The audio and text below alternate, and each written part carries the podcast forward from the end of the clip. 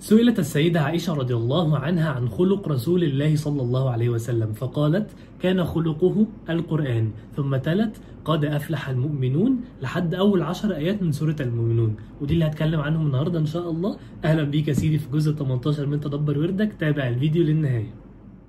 أفلا يتدبرون القرآن؟ السلام عليكم ورحمة الله وبركاته. أهلا بيكم في جزء 18 في جزء 18 هتلاقي فيه سورة المؤمنون وسورة النور وصفحتين من سورة الفرقان. كالعادة أنتوا عارفين بعلق على شوية آيات قبل ما أخش في آيات النهاردة. في بداية سورة المؤمنون هتلاقي في أول صفحة خالص وصف ربنا لخلق الإنسان لما قال ولقد خلقنا الإنسان من سلالة من طين وقعد يوصف الخلق وهو في بطن لسه الأم فحط لكم لينك في وصف الفيديو حلو جدا لصفحة اسمها طاق إسلام بيوصف إيه الإعجاز العلمي في وصف ربنا للخلق بتاع الجنين ده. ثم بعد كده هتلاقي في الآيات من أول 7 57 ربنا بيوصف فيهم حال المؤمنين وهتلاقي في آية بتقول إيه؟ والذين يؤتون ما آتوا وقلوبهم وجلة أنهم إلى ربهم راجعون. فالسيدة عائشة لما سمعت الآية دي قالت يا رسول الله بمعناه قالت يا رسول الله أهم أهو الذي يسرق ويزني ويشرب الخمر ويخاف الله عز وجل اللي هو يؤتون ما آتوا وعملوا حاجات وقلوبهم وجلة يعني خايفين أنهم إلى ربهم راجعون. فقال لها لا يا ابنة الصديقة بل هو الذي يصلي ويصوم ويتصدق ويخاف الله عز وجل. يخاف إن هو ربنا لا يتقبل منه. فدي من صفات المؤمن الصالح إن هو يعمل كل حاجة برضه خايف الله عز وجل إن هو ما يتقبلش منه خايف بيتذكر دايما الآخرة وهو انهم إلى ربهم راجعون. ثم بعد كده هتقلب الصفحة هتلاقي في آيات الآيات دي طول عمري عاملة لي مشكلة كلغة عربية مش قادر أفهمها مش مقتنع يعني مش عارف هي إزاي صح كده. ربنا بيقول إيه قل من؟ رب السماوات السبع ورب العرش العظيم سيقولون لله. يعني طبيعي السؤال من فالإجابة سيقولون الله يعني مين ده؟ الله. لكن مين ده؟ لله. وهتلاقي في كذا آيات ورا بعض. قل من بيده ملكوت كل شيء كذا كذا. سيقولون لله. طب ليه مش سيقولون الله؟ فلما عملت سيرش لقيت في فيديو جميل قوي برضه هحطه لكم في الوصف بتاع الفيديو. شوفوه. هيشرح إيه إيه اللغة العربية دي عاملة إزاي؟ وهتعرفوا إن الكلام ده مفيهوش صح وإحنا اللي مش فاهمين أصلا اللغة العربية عاملة إزاي. بعد كده هتيجي للآيات اللي أنا كنت محتار أتكلم عليها النهارده فعلا ولا أتكلم على بدايات سورة المؤمنون. فقررت إن أنا أتكلم عن بدايات سورة المؤمنون ولكن الآيات دي لازم تعيش معاها الآيات اللي ربنا بيوصف فيها.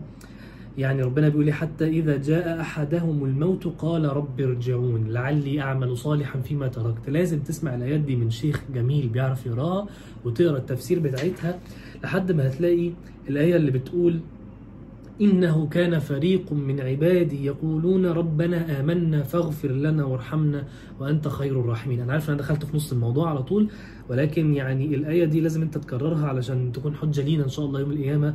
نقول ربنا آمنا فاغفر لنا وارحمنا وأنت خير الراحمين. فأرجوك اسمعها من شيخ بيقراها بصوت جميل واقرا التفسير بتاعها وأرجوك حط نفسك مكان الوصف والحالة اللي ربنا بيوصفها دي. أنا عارف أنت شوية عشان ده في الفيديو يعني فأنت مش عارف بالظبط بتكلم عليه. افتح المصحف وهتعرف بالظبط أنا بتكلم عليه.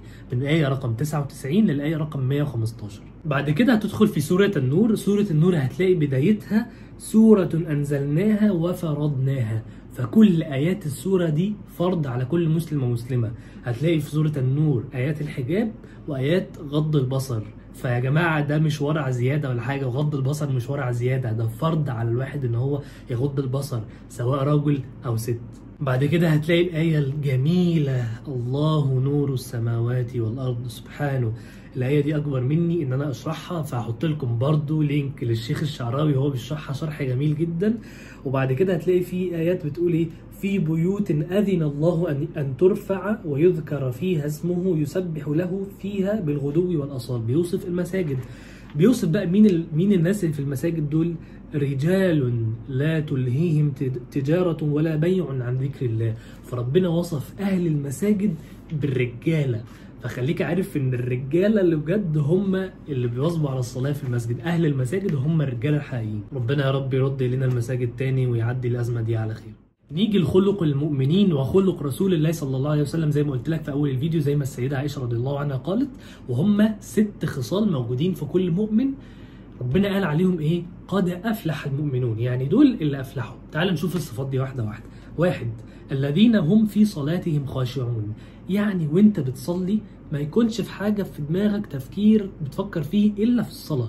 أنت لما بتخش بتطبخ بتكون بتفكر هتظبط الأكل إزاي لما بتذاكر بتكون مركز في المذاكرة لما بتلعب بتكون مركز في اللعب وانت برضه بتصلي خلاص خش ركز في الصلاة ما تركزش في بره الصلاة.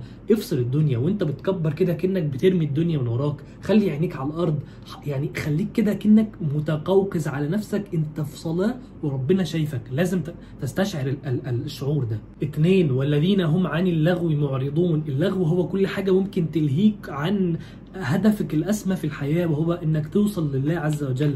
اللغو ممكن يكون كلام باطل ممكن يكون أفلام ومسلسلات بضيع فيهم وقتي ممكن يكون أغاني ممكن يكون غيبة ممكن يكون كل حاجة بتلهيني عن هدفي في الحياة. ثلاثة والذين هم للزكاة فاعلون. الله عز وجل قال ما تقرب إلي عبدي بشيء أحب إلي مما افترضته عليه.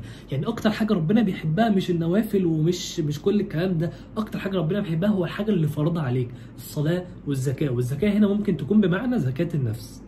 أربعة والذين هم لفروجهم حافظون. الناس اللي بتحفظ نفسها من الزنا بتحفظ نفسها من الخطوات اللي ممكن في الآخر تؤدي للزنا.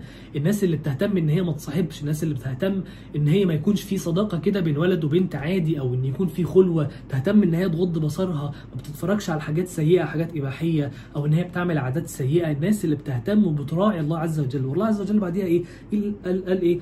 إلا على أزواجهم أو ما ملكت أيمانهم فإنهم غير ملومين. يعني الله عز وجل أباح الحاجات دي مع ال مع, ال مع في الزواج فهو شيء مباح بس في مكانه. فمن ابتغى وراء ذلك فأولئك هم العادون. العادون هم يا إما اللي بيزنوا فعلا يا إما اللي بي- بيتخطوا حدود الله من من عادات سيئة أو يعني أنتوا عارفين أنا بتكلم عن إيه. الله وصف دول بالعادون. سبحان الله. كل ما تعمل حاجة من دول اعرف إن أنت معادي لكلام الله عز وجل. خمسة والذين هم لأماناتهم وعهدهم راعون. الناس اللي بتوفي بعهدها الناس اللي بتحفظ الأمانة اللي بتحفظ السر اللي مش بتغتاب. اللي فعلا قد كلمتها الناس اللي اخلاقها حميدة دول دخلوا في المؤمنين في صفات المؤمنين. ستة ربنا ختمها بالصلاة زي ما بدأها بالصلاة بس المرة دي قال والذين هم على صلواتهم يحافظون. يحافظون على أوقاتها مش بيخ... مش بيأخروها أو بيحافظون عليها مش بيبطلوا الصلوات خالص. الصلوات ده شيء مقدس. شوف بقى ربنا قال لك إيه في الآخر الجايزة؟ إيه؟ أولئك هم الوارثون. دول اللي هيرثوا. هيرثوا إيه يا رب؟ الذين يرثون الفردوس هم فيها خالدون. يعني الجائزة إيه يا رب؟ الجائزة الفردوس. الرسول صلى الله عليه وسلم قال إذا سألتم الله الجنة فاسألوه الفردوس. فإنه أعلى الجنة وأوسط الجنة ومنه تتفجر أنهار الجنة وفوقه عرش الرحمن. يعني هو أعظم وأجمل مكان في الجنة. فلو عايز تبقى في الفردوس ولو عايز تفوز فعلا بالفردوس خلي عندك الست صفات دي وحاول تتحلى بيهم وتقتدي بالرسول صلى الله عليه وسلم وبإذن الله هتدخل في الآية قد أفلح المؤمنون. بس كده أنا انتهيت من فيديو النهارده أتمنى تكونوا استفدتم بيه. يا ريت لو استفدتم بيه تنشروه بين الناس علشان تعم الفائدة. وما تنسوش تستنوا إن شاء الله الحلقة الجاية في الجزء 19 وتتابعوني على يوتيوب وفيسبوك وإنستجرام. واشوفكم إن شاء الله في الجزء 19 على خير. والسلام عليكم ورحمة الله وبركاته. قد أفلح المؤمنون الذين هم في صلاتهم خاشعون. والذين هم عن اللغو معرضون والذين هم للزكاة فاعلون والذين هم لفروجهم حافظون إلا على أزواجهم أو ما ملكت أيمانهم فإنهم غير ملومين فمن ابتغى وراء ذلك فأولئك هم العادون والذين هم لأماناتهم وعهدهم راعون والذين هم على صلواتهم يحافظون أولئك